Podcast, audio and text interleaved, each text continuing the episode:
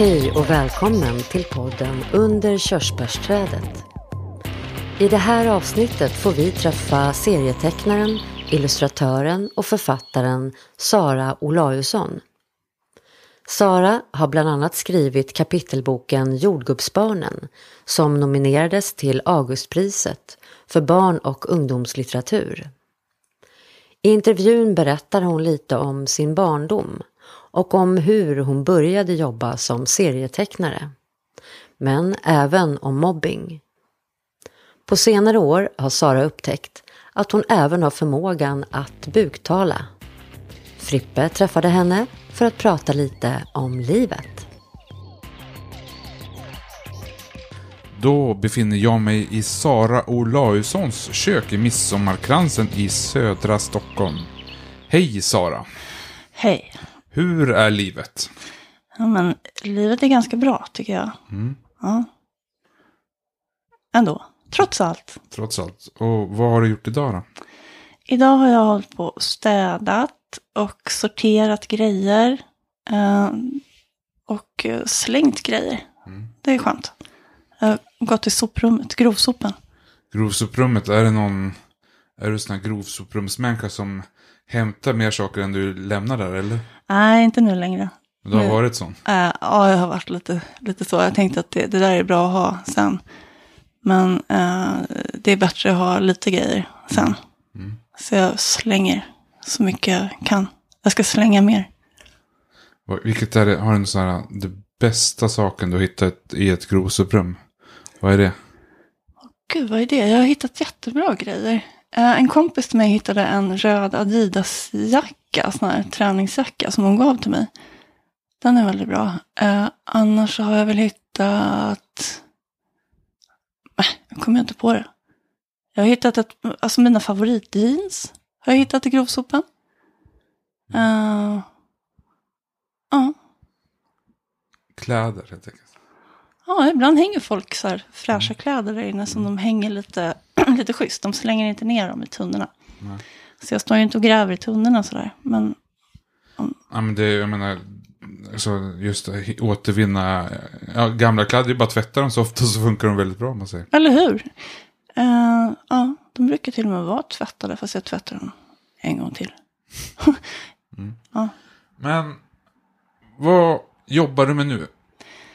Eh, jag jobbar halvtid som lärarassistent på en folkhögskola. Och sen, eh, sen håller jag faktiskt på att sätta ihop en kabaré en gång i månaden. Okej. Ja, en fullmånekabaré. Vi har kört en gång. Mm. Och eh, nu är nästa om, vad blir det? Om någon vecka, 16 maj. Och då är jag konferencier i den och sen så har jag börjat att vara med och sätta ihop den också. Så igår så bokade jag in en jättebra gäst. Vem? Eh, Johan Jönsson, poet. Okej. Ja. Mm. Han ska läsa en deppig dikt. Okej. Och var har ni föreställning någonstans då? Eh, Det är på Reimersholm hotell. Ja. I alla fall första gången och andra nu. Sen så ska det nog flytta till Musikaliska. Mhm. Vet du vad det är? Eh, ja, Alltså jag har aldrig varit där inne, men det är en, det är, vi levlar upp lite. Det är lite pampigare lokaler. Men jag, alltså jag älskar Reimersholm ja hotell. Reimersholm hotell, eh, om någon som inte har varit där, så, vi kan, det är ju Ja, gör reklam. Ös. ös på. Vad, vad, vad ska vi säga om Reimersholm? Det är ju alltså Nej men gud, vad är det? Kaspar och, och hans kompis Andil. Andin som har tagit över det där. De är själva musiker, de har inte drivit så mycket hotell förut och nu är det liksom, Jag tror inte det. Det är lite tårtan liksom. ja det är lite tårtan. Ja, men det är så jäkla bra. Och de har ordnat jättemycket spelningar och bra spelningar. Och, ja. Ja, det Ja, är, det, det är liksom, ja, det är lite som, jag tänker varje gång jag kommer dit, att kan, kan det här få finnas liksom? Är det, är det lagligt? Ja, men det, det är lite risigt på ett bra sätt.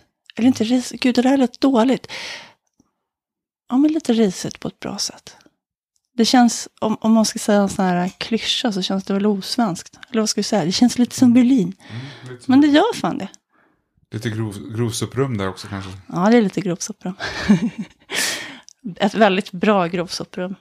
Men den här, äh, vad sa du, kabaré kallar du det för? Eller, Och den spelar ni in, inne på hotellet där då? Ja. Och vilka fler är med i den då? Det är Mossutställningar. Um, och uh, hotellet som arrangerar. Det är Stella Dai och Martina Hogland Ivanov som, som satte igång det där. Och sen så hojtade de på Facebook innan första kabarén att uh, finns det någon eh, konferencier som, ja, så skrev de något lite flummigt som jag kunde identifiera mig med. och så bara skrev jag med små, små bokstäver så här att, ja, jag, haha, liksom. Ja, jag, haha, tror jag jag skrev. Så, ja, så skrev de till mig och så berättade jag lite så här, vad jag brukar göra. Alltså jag, jag, jag är buktalare också. Mm. jag blev det. Jag liksom halkade in på ett bananskal och råkade bli buktalare eh, som också har lite personlig vägledning ibland med hjälp av gråstenar och sådär. Och det där tyckte de lät perfekt för den här uppgiften. Så att jag har då blivit buktalarkonferencier för den här fullmånekabarén. Och så blev det så att jag eh, också hjälper till att sätta ihop den. Men. Som på ett jävla bananskal av eh, guld.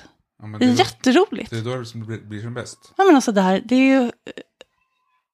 Ja, jag är så glad. Men, men så här, buktala och också, nu måste, då, då, då pratar man fast man rör inte på läpparna. Ja, jag har ingen buktalardocka eller något sånt där. Jag bara pratar med, med stängd mun. Och det blir lite extra roligt om man håller en mikrofon så här. Kolla. Ja, ja eh, fråga någonting då.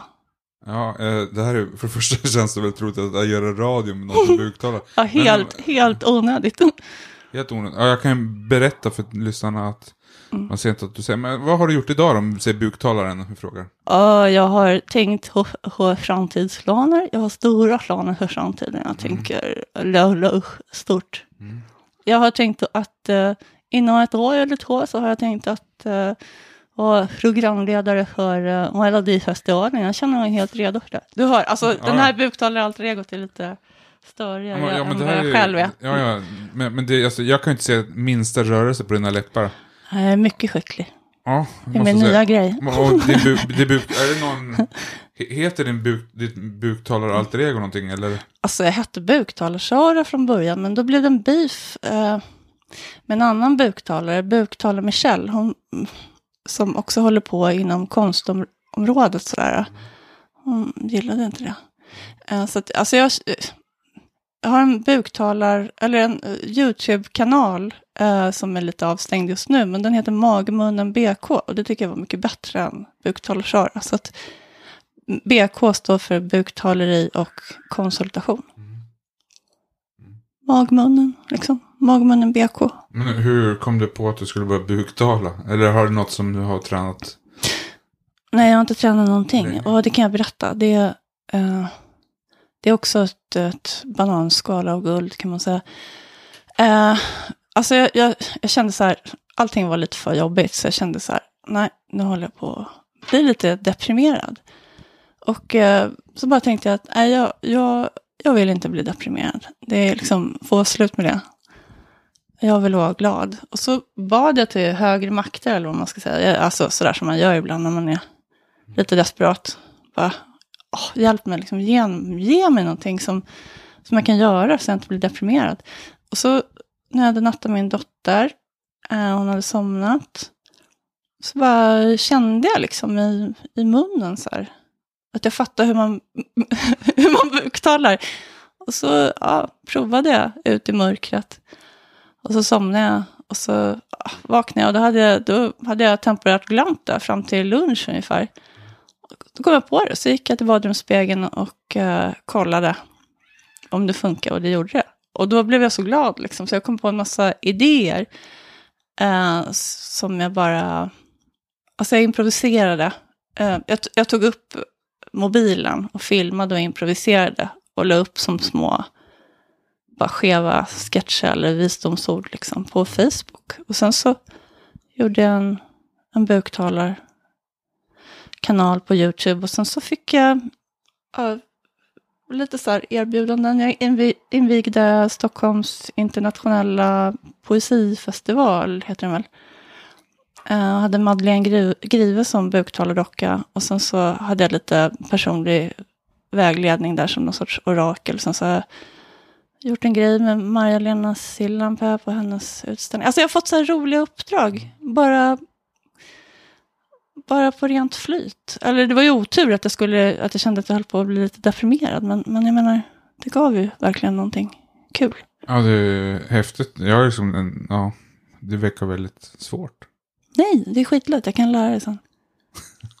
Okej, Mm. tack. Varsågod. Jag är inte alltid så lättlärd kanske, men vi får se. Ah, ja. men Ska vi slå vad? du har ju jobbat som serietecknare och illustratör och författare mycket i ditt liv. Mm. Men hur, hur började det hela? Ritade du mycket teckningar som barn? Eller? Jag ritade skitmycket teckningar som barn. Eh, Det brukade ligga på min hylla på dagis, en, stor hög varje dag som min mamma fick ta hem. Eh, Jag ritade mest katter och hästar och sådär, djur och grejer. Mm. Men sen, jag vet inte, just det här med serieteckningen, jag, jag tänkte att det, det verkade så svårt. Jag tänkte aldrig att det var någonting som jag kunde göra förrän min farsa köpte ett nummer av Galago som han gav till mig på 80-talet. Jag blev så här förskräckt, liksom, vad fan, hjälp, vad är det här? Så här. Och, men så fick jag syn på, på Olle Ångest av Gunnar Lundqvist. Och då bara fattade jag att, eh, alltså för det första älskar jag den. Och, och sen så var det ju så alltså, skenbart taffligt gjort. Det är ju inte det. Men, och då kände jag att det här är någonting där det finns plats för mig. Och så var det en kompis mamma som hade hört om en serietecknarutbildning på radio. Och så tyckte hon att jag skulle gå den. Jag, jag fattade liksom inte hur hon kunde se det eller tro det. Men jag sökte i alla fall. Så kom jag in och sen så flöt det på. Lite trögt har det alltid flutit på, men ändå kontinuerligt i sin lilla takt. Hatt- Annars då, som barn, hur, hur, var du, hade du många kompisar eller hur, hur, hurdan var du i fantasivärlden? Eller? Mm, jag hade nästan alltid en, en bästa kompis. Lite olika bästa kompisar. Och så var det perioder där jag var väldigt ensam och ledsen. Och sen var det perioder där jag blev väldigt mobbad. Eh, men för det mesta har jag alltid haft bra och nära vänner. Men, men det har också varit flera år där jag var alltså hårt mobbad. För att jag var så ful liksom. Uh, sa de. Eller ja. Och att min mamma var kommunist. Alltså hon var konstnär i ett... Din mamma var konst, Ja, konstnär? eller är konstnär. Är konstnär, okej. Eh, Min farsa också. Och så hade min mamma runda glasögon och majonkläder och sådär. Och då, bara, då var jag kommunist och skulle dö. I princip. Och så sa de att du var ful också. Fast. Ja, jag var till och med... Ja, jag, ja då, då är man ju ful. Eller jag hade glasögon och liksom fram, framtänder och grejer. Eh, och... eh, hur påverkade det dig då? Skulle du säga? Nej men hur det påverkar mig? Alltså, jag, att, nej men det tryckte ner mig totalt. Jag ville ju dö. Eh, fast jag var, det var ju det som jag var mest rädd för, döden. Så jag vågade inte ens dö. Alltså det, att bli mobbad är ju felprogrammering av högsta klass. Eh, det var vidrigt. Men, så dina föräldrar var konstnä- är konstnärer? Mm. Och vilken typ av konst gör de? Eh, måleri. Målar vi mest i olja. Eller min farsa håller på med akryl. Du, nu, nu har jag tabullarna i ugnen. Jag måste ta ut dem. Vänta. Ja, visst, visst. Det börjar knaka i plåten. De får ligga där och gomma sig en stund. Trevligt att du bakar bullar. Ja, fuskbakning. På bageriet och fryst ner dem och så bakar jag om dem. Bäst. Men var växte du upp någonstans då? I Råsunda i Solna. Solna, okej. Solna. Solna. Bredvid Råsunda stadion. Sta- Du var, var du någon sporttjej då? Höll på med Mm. idrott? Nej, alltså jag har aldrig fattat fotboll. Men man blev tvingad att vara aik för annars fick man stryk. Men, nej, men jag har hållit på, jag har hållit på ridit och teater. eh, och eh, jag var rätt bra på längdhopp. Mm. Men nej, jag är ingen sporttjej sådär. Fast jag var rätt bra på det. Du kanske är bra på allt du ger dig in på. Det verkar ju som va. Fantastiskt. Bra på allt men gör ingenting. Nej men jag, jag vet inte. Men, Vad, vad, ville du bli, vad ville du bli då när du var barn? Har du något sån här stående vilja? alltså, på senare tid så har jag fattat att jag egentligen helst av allt hade velat sjunga. Um, men det har alltid känts alldeles för omöjligt. Men sen vill jag hålla på med teater. Jag, jag var med i en, eller gick på teater från jag var åtta. Till, eh, ja, till vi slutade nian och sen. Um, sen har jag alltid hållit på och skrivit och ritat och så. Um, men jag fick för mig att jag inte alls visste vad jag ville vara, vad jag ville bli. Men... ehm, mm. Ja. Ja. Då kan man bli allt. Ja. Eller... Jag tänker, för du har jobbat med konst här nu och börjat sen. Men du är systerdotter till Barbro Lindgren också. Som har skrivit många böcker. Loranga, Masserino, D'Artagnan och, Mm. och så. Ja. Och eh, hur påverkade det dig med ditt skapande? Jag vet inte. Alltså det är ju det är lite tveeggat. Liksom, dels är det ju för en sån som mig som växer upp med det här runt mig en normal grej att göra. Jag behöver ju inte liksom ta fram någon murbräcka för att, för att gå in på kulturområdet och göra min grej. Men samtidigt så har ju det är mycket att leva upp till liksom innan när man är liten och när man precis börjar. För att jag, jag har inte ens vågat börja måla för att man är i sånt underläge från början. Liksom. Jag jämför ju mig med dem hela tiden. Uh, jämför mig med Barbro har jag fattat. Men samtidigt så får man ju gratis. Liksom. Jag har ju fått sådana... Jag är upp- uppväxt med de där ordvalen och sätt att se på bilder och så. så ja, jag vet inte. I den världen. Men hur pass nära var, växte du upp med, med Barbro? Var ni nära? Det var så det var. Alltså, vi träffades inte jätte, jätte ofta, men hon har alltid känts väldigt nära. Hon är, hon är väldigt lik min mamma också. Det är min mammas syster. Eh, och så, ja, jag har alltid tyckt väldigt mycket om henne. Hon har alltid varit snäll mot mig. Hon var typ den enda som kunde barnvakta mig och natta mig utan att det kändes obehagligt. Alltså det kändes lika mysigt som att bli nattad av min mamma. så Men eh, för några år sedan så gjorde ni även tillsammans serieversion. Du gjorde en serieversion av hennes böcker. Mm. Eh, berätta, och hur var det att göra, göra det samarbetet? Alltså det är ju inte så mycket samarbete när man samarbetar med Barbro. Det är mer det att jag läser eh, uh, Loranga-boken och sen så eh, blir det någon, så har jag papper och penna bredvid mig och så blir det under tiden jag läser ett bildmanus och sen så kollar jag med henne om det är okej. Men hon säger att det är okej och så. hon, alltså jag har fått sköta mig ganska mycket själv. På, på tal om samarbete, vet du att vi precis har kommit ut med två pekböcker? Nej, jag vet ingenting. Vänta, jag hämtar dem i hyllan. Vänta. Yes, yes. Men det har varit ganska tyst om dem. Det har inte varit någon som har skrivit om direkt. Här är de. Ja, de kom ut i, mars. är bullarna klara nu eller vad som tror du? Ja, den har en bulle. Ja, vi kan. Så-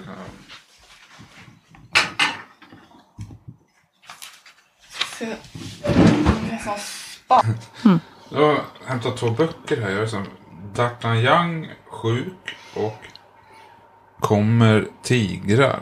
De är helt ny, nyutkomna sa du. Mm, i mars. Pekböcker som du har gjort. Ja, Berätta, det här är alltså... eh, alltså det, det är pekböcker av baserade på Loranga, Masserin och D'Artagnan. Det kan ju låta som en sellout eller så här, men det blev, funkade rätt bra.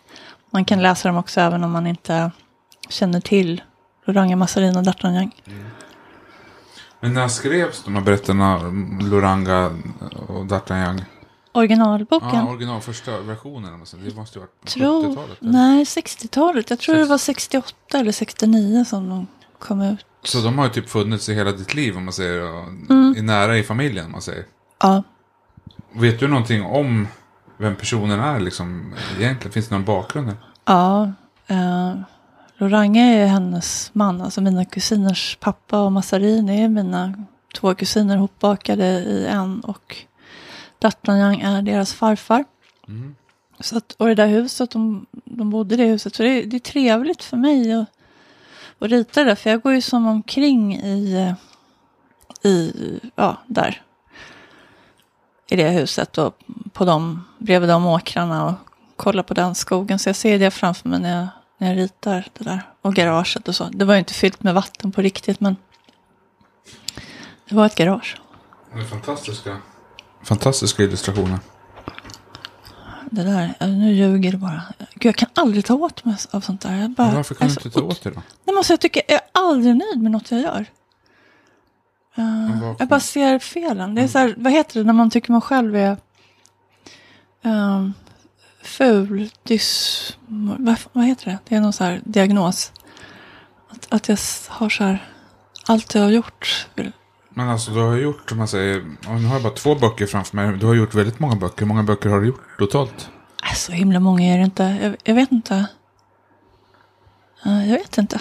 Nej, om du inte vet hur många det är så är det i alla fall mer än fem. Ja, det är det nog.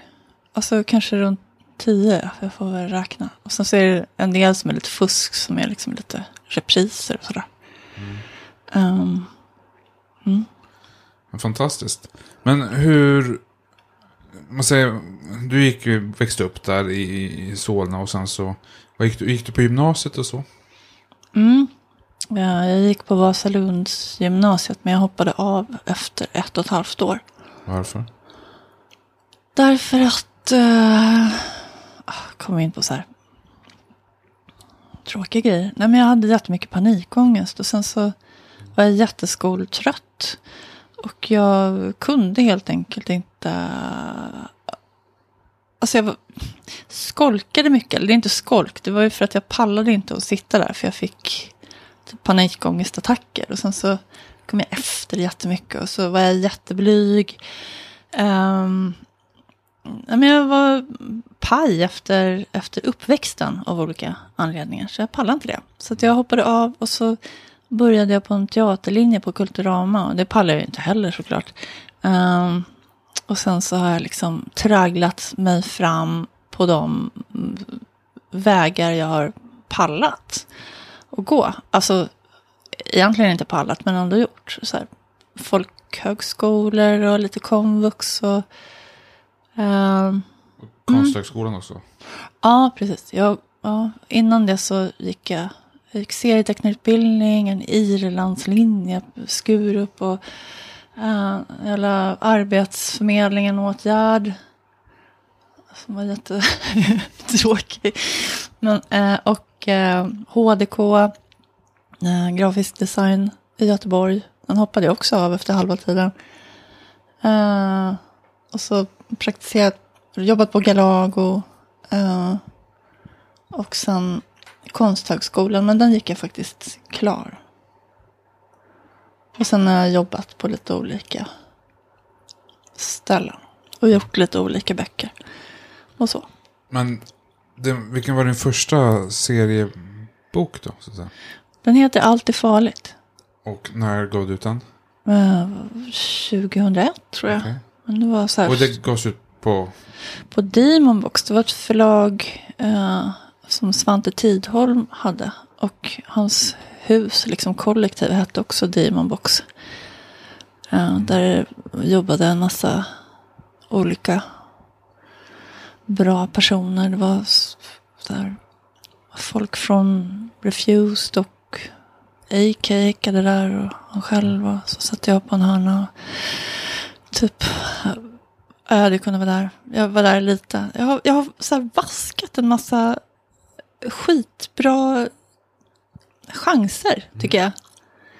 Eh, På, eh, på vilket sätt har du vaskat? Varför men jag har inte pallat. Det är samma som, anledning som jag hoppade av gymnasiet. Att jag inte har pallat liksom. Jag har varit, varit lite pajig från uppväxten, mobbing, uppväxt och lite andra grejer. Så att jag har varit så här... Ehm, jag har fått jättemycket bra chanser. Som jag inte har kunnat ta till fullo. Men det har ändå funkat, konstigt nog. Jag fattar inte. Det är väldigt tur. Men, men när, när du skrev på kontraktet då för den första boken där. Då, Ja. det måste ju ändå känts liksom en väldig bekräftelse. Man måste ha varit nöjd för att ha kommit så långt. Det är inte så många som kommer så långt. Nej, men alltså, jag är lite dum i huvudet på det sättet. Jag, jag tänkte till exempel, innan jag hade blivit publicerad i Galago, så tänkte jag, bara jag får vara med i Galago en gång så kan jag dö lycklig. Liksom. Men sen när jag fick vara det så, så tänkte jag att, aha, det- tidningen är inte lika bra längre eftersom de har med mig. Så, alltså jag, jag har varit otroligt mycket sådär. Eh, Inte nu längre, tack och lov. Men, men ehm, eh, historiskt sett väldigt mycket så dum i huvudet. Men eh, hur, hur växte de fram de här serieböckerna när du skriver böcker? Du har alltså illustration och text. Ja, Vilket är viktigast? Texten? Texten. Eller? Texten. jag börjar alltid med texten för jag tänker, åh nu slutar det där bruset, vad skönt. Men jag har väl tänkt ända från början att, att jag vill vara författare. Och eh, sen poppar det upp bilder och så vet jag inte hur jag ska beskriva bilderna i text. Och så, så blir det en serie. Så tänker jag, ah, nästa gång så är jag författare. Jag gör en serie till, en serie till. Men eh, vad var frågan? Alltså texten eller bilden, vilket som var viktigast när du växte, växte texten. B- bilderna, det är ett jäkla aber, säger man så. Alltså det är, det är en kamp för mig att, att, att rita. Ehm, det är inget roligt. Eller det är jättesvårt att sätta igång. Sen kan det ju vara roligt när jag väl är igång. Så kan jag bli förvånad att jag liksom, kan bli nöjd så här. Kolla, har jag gjort det här? Ehm, men skrivandet går lätt. Ehm, det här med kabarén går lätt. Buktaleriet går lätt. Och det är roligt. Men själva ritandet är, är, är straff. Oftast. Det är konstigt när man blir sedd mest som illustratör och så. Men, eh, Samtidigt, alltså jag, samtidigt älskar jag det på något konstigt sätt. Gud vad jag... men, men du har ju även, har du skrivit skönlitterärt helt också? Det var någon, en, Eh, alltså, en bok. men det- den här eh, är en kapitelbok, men jag, skri- jag ser mig ju mig själv mest som en skrivande människa och då vuxenlitteratur. Men jag har ju inte gett ut någon vuxenbok. Liksom. Jag skriver ju nästan aldrig, så det är lite skev självbild där. Men det kanske är, det kanske är synskt där. Det kanske är det Och kommer den, vara. bok, den boken du håller upp nu är, heter Jordgubbs, Barnen. Jordgubbsbarnen. Mm. Kom. Den fick du nominerad för Augustpriset för också tror jag. Ja, ja, Men, då blev jag glad. Mm, ja, men, För en gångs skull. någonstans liksom. Du har fått ut, ut böcker här och fått nomineringar. Det känns ju som du har ju gjort en hel del saker. Men den här Mm. boken, Jordgubbsbarnen, kan du berätta? Den handlar om, vad handlar den om? Eh, det handlar om två barn. Så här, den är från min rumänska period, kan man säga. Jag, jag blev kompis med Felicia som, som är tiggare, hon är fortfarande det. Och eh, blev så himla drabbad av henne. Och åkte till Rumänien flera gånger och, och eh, berättade hennes historia tillsammans med henne. Eh, och eh, så gjorde vi en bok som heter Det kunde varit jag. Och sen eh, så kändes det bara mest produktivt för, för allt och alla att nästa steg skulle vara att göra en barnbok som handlar om barnen som blir lämnade i hemlandet. Att det liksom skulle nå in i läsarna och få dem att fatta varför tiggarna sitter där. Att det skulle kunna göra någonting bättre. Och jag har ju varit där, jag har träffat de här jordgubbsbarnen. Och, ja, det kändes som att jag... Att det var liksom det jag skulle göra. Och det var roligt också. Eller roligt, det är sorgligt med, men... men ehm, mm. Men Har du följt upp den delen någonting mer? Nej, orkar inte det. Eh, det är så jäkla eh, komplext problem och jag fick så mycket hat från alla möjliga håll. Så jag orkar inte. Vilka hatade dig så att säga? Den senaste hatvågen var från rumänska nationalister. Okej. Eh, när de fick nys om den, just den här boken, Jordgubbsbarnen, som är en väldigt snäll bok. Och det, det står inte ens uttalat att, att det handlar om Rumänien. Utan det är bara ett land. Mm. Men de har ju rumänska namn för sig. Så.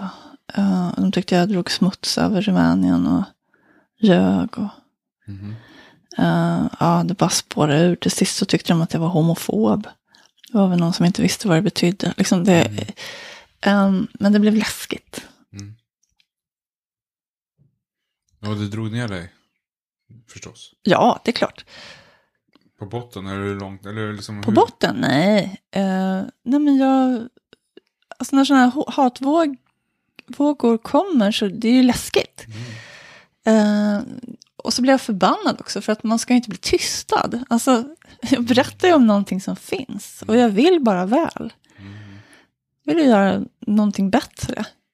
Och få människors röster hörda, människor som inte får sin röst hörd. Ehm, och så bara kommer några idioter som inte ens har läst boken. Ja, nu får jag väl hat på mig när jag kallar dem för idioter. Men alltså, idioter, vad ska jag säga? Människor då Mm. synonymt med idioter. Ehm, nej men det är... Och det tar så mycket tid också att bemöta det här hatet och försöka prata med folk som ringer direkt till mig och vill förklara för mig att jag inte kan hålla på med det här. Och, ja, Mm. Att det dödar väl både lust och kreativitet det kan jag tro. ja. Sen, sen så ska ju inte mina barn få lida för det jag gör heller. Ehm, det kan ju inte vara så att det blir farligt. Så det, det har ju aldrig blivit farligt. Alltså, jag, Mm. ehm, men det är ju... Mm, ja, men det är ju en form av mobbing. Det är det ju. Alltså när det blir en sån här hatmobb. Mobb igen. Ja. Fast Eh, Från barndom då, fast nu är du äldre fast på ett annat. Ja, vet du, de, till och med så skrev de till mig eh, under bilder av mig då att hur ful jag var. Är det gamla så då, du, du, du nej, alltså det var rumäner. Du, Ja. du är så dålig författare och du är homofob och, och ful du är också. Okej. Mm. Fruktansvärt. Ja, ganska, ganska trist. Men Jordgubbsbarnen, det är en kapitelbok. du.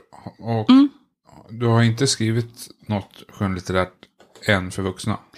Nej, alltså jag har skrivit en del i den här Det kunde varit jag-boken. Jag försöker tänka efter, har jag gjort det eller nej, jag har nog inte det. Det ligger bara i datorn. Och ruvar Okej. och jäser. Det kunde inte vara ett ja-boken. Ja, det, ja, precis. Den som jag gjorde med Felicia som handlar om Rumänien och så. Det är lite texter, men det, de är ganska korta. Mm. Uh, nej, men jag håller på på flera projekt. Som,